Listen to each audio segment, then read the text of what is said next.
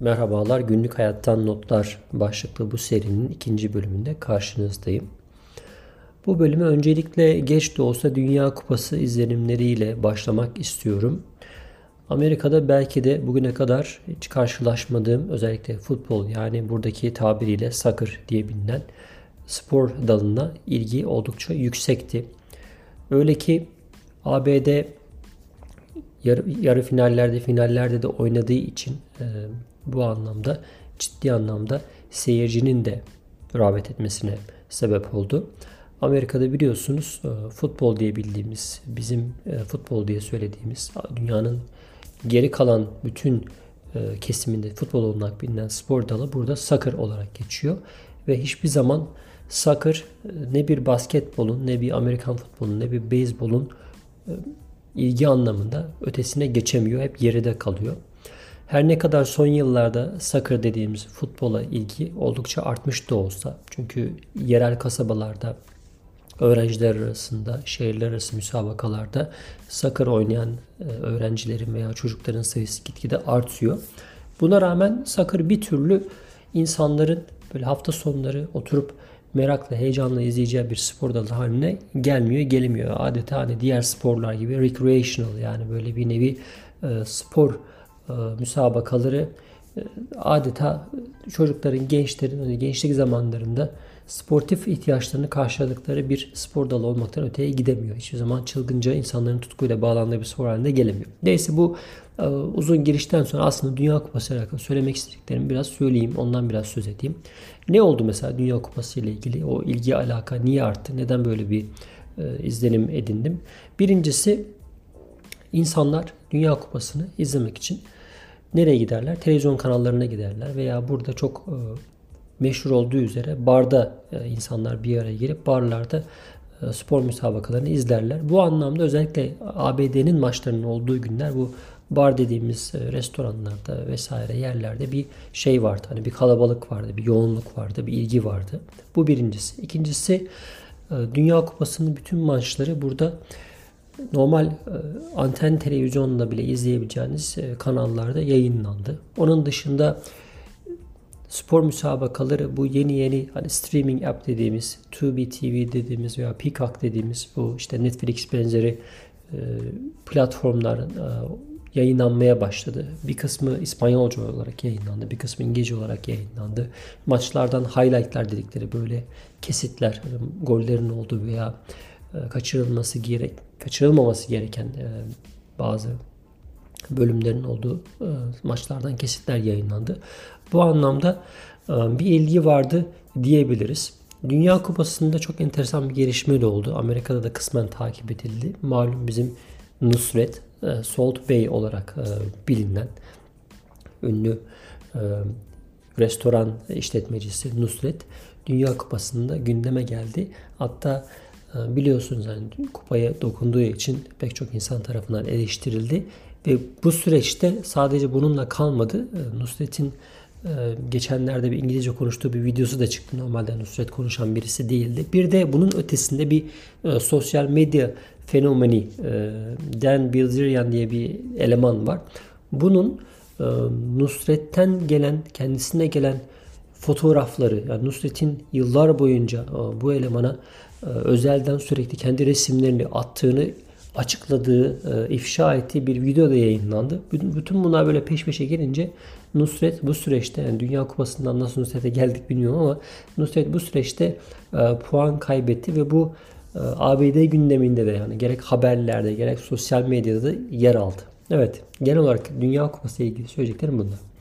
İkinci bir konu başlığı bu bölümde günlük hayata dair özellikle ABD'ye dair söz etmek istediğim önemli bir konu başlığı. E, Massachusetts'te biliyorsunuz seçimler oldu. Bu seçimler öncesinde kaydettiğim e, bir bölümde demokratların seçimi kazanacağını, e, seçimi bir Republican yani Cumhuriyetçi bir validen demokrat bir valiye geçeceğini söylemiştim. Bununla alakalı da zaten hani seçimler oldu, bitti biliyorsunuz. Kasım ayında seçimler oldu. Maura Healey %63.5 oy almış. E, yani oyların büyük bir kısmını almış. Arkasından gelen eleman Cumhuriyetçi aday da %35 oranında oy almış. E, o göreve başlamış oldu bu ay itibariyle, Ocak ayı itibariyle. Kendi kadrosunu, kendi ekibini kurdu. Zaten daha öncesinde kimleri nereye atayacağına dair bir takım açıklamalar yapıyordu. Bunları artık e, resmi bir şekilde devir teslim töreninde olduktan sonra gerçekleştirmiş oldu. Peki eski valiye ne oldu? Eski eski valimiz Charlie Baker. Bu da yanılmıyorsam e, şeyin başına geçti. College e, basketbol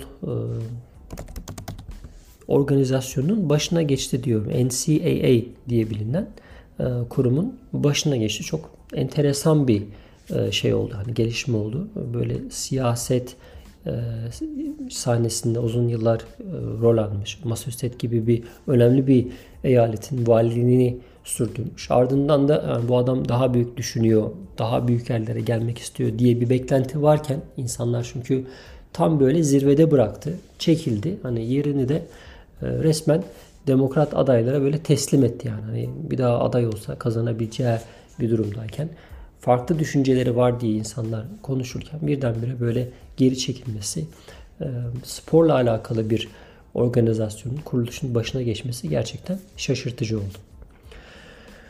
Bunun dışında e, biraz popüler kültürle alakalı e, konulara girmek istiyorum. Bunlardan bir tanesi sırf side note diye tabir edebileceğimiz, böyle yan bilgi diyebileceğimiz ünlü oyuncu var. Joaquin e, Phoenix diye e, senelerdir benim ismini öyle söylediğim. E, Gladiator filminden itibaren hani, takip etmişsinizdir. En son Joker hani filmiyle de gündeme gelmiş. Farklı filmlerde oynamış. Farklı farklı rolleri bürünmüş. Ünlü bir sinema sanatçısı.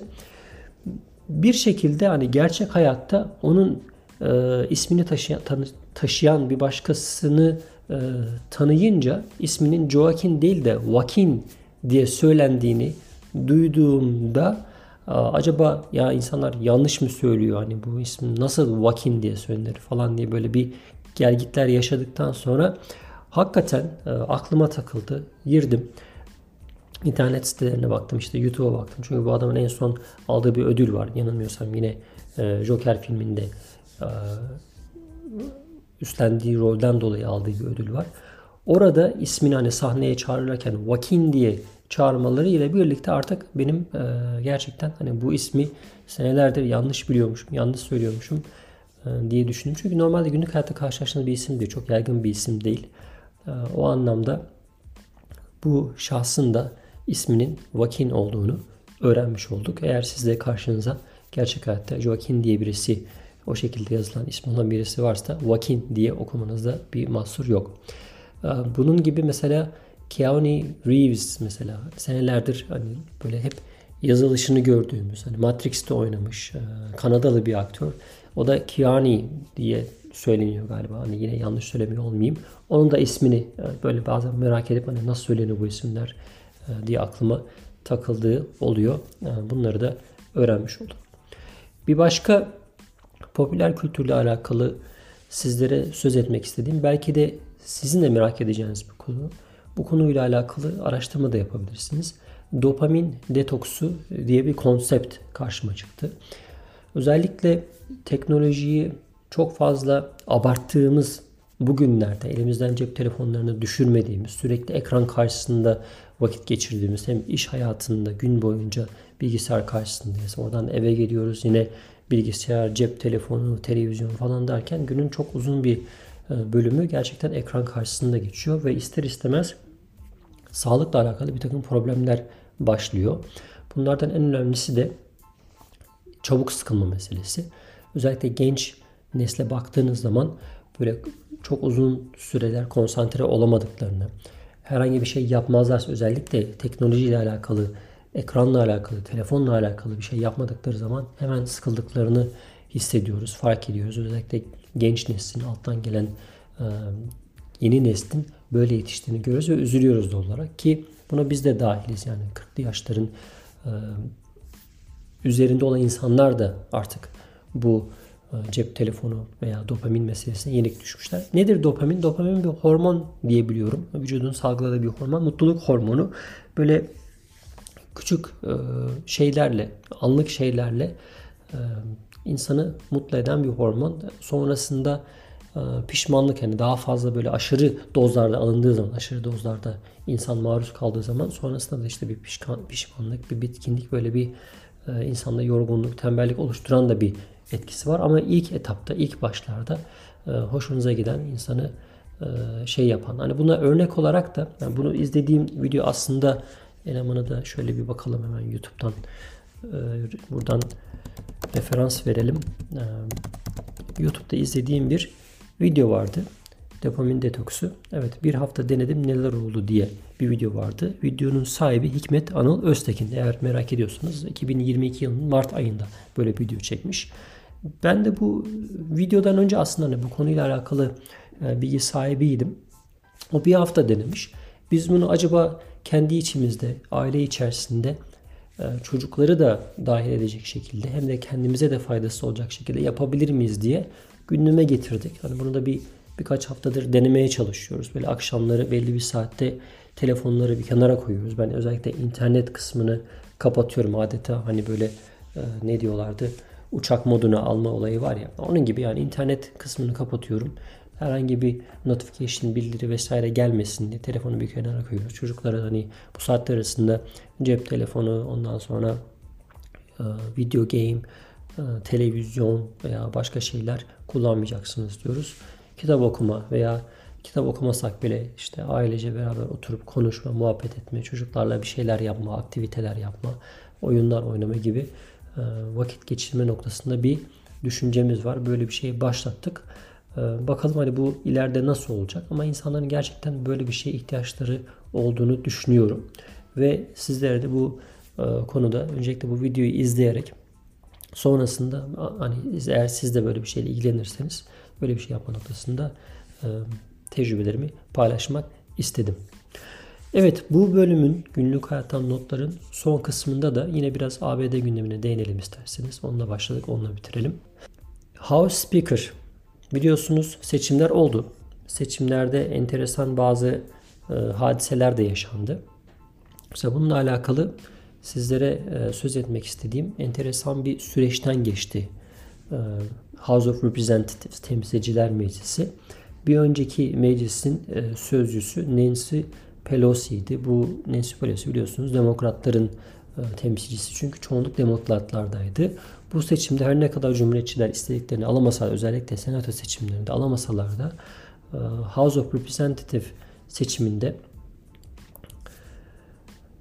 çoğunluk onlarda olduğu için e, büyük ihtimal onların adayı seçilecekti ki öyle de oldu ama kolay olmadı. Çünkü bir grup cumhuriyetçi hani içlerinde böyle ekstrem olarak bilinen yani böyle e, kendilerini aşırı sağ olarak tanımlayan bir grup cumhuriyetçi dediler ki hani McCarthy adaydı. Onun söylemlerinden rahatsız. Belli söylemlerde işte geri adım atsın, işte söylediklerini değiştirsin, e, bizim çizgimize gelsin gibi bir zorlamaya gittiler ve oy vermediler.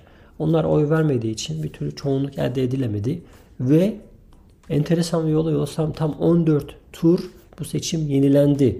Yani ben haberleri açıyorum. İşte bir tur bitti.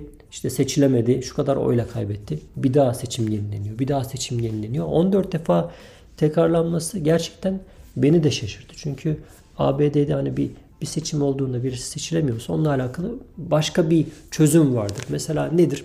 Ee, bu senato meselesinde de oldu. Yanılmıyorsam Georgia'da böyle bir en son bir senatör seçimi olacağı zaman e, adaylardan birisinin %50'nin üzerinde oy alması gerekiyor ki senatör seçilsin. Oradaki kanun o şekliymiş. Yani çok oy alan değil %50'yi geçmesi gerekiyor illa diye bir kanun varmış.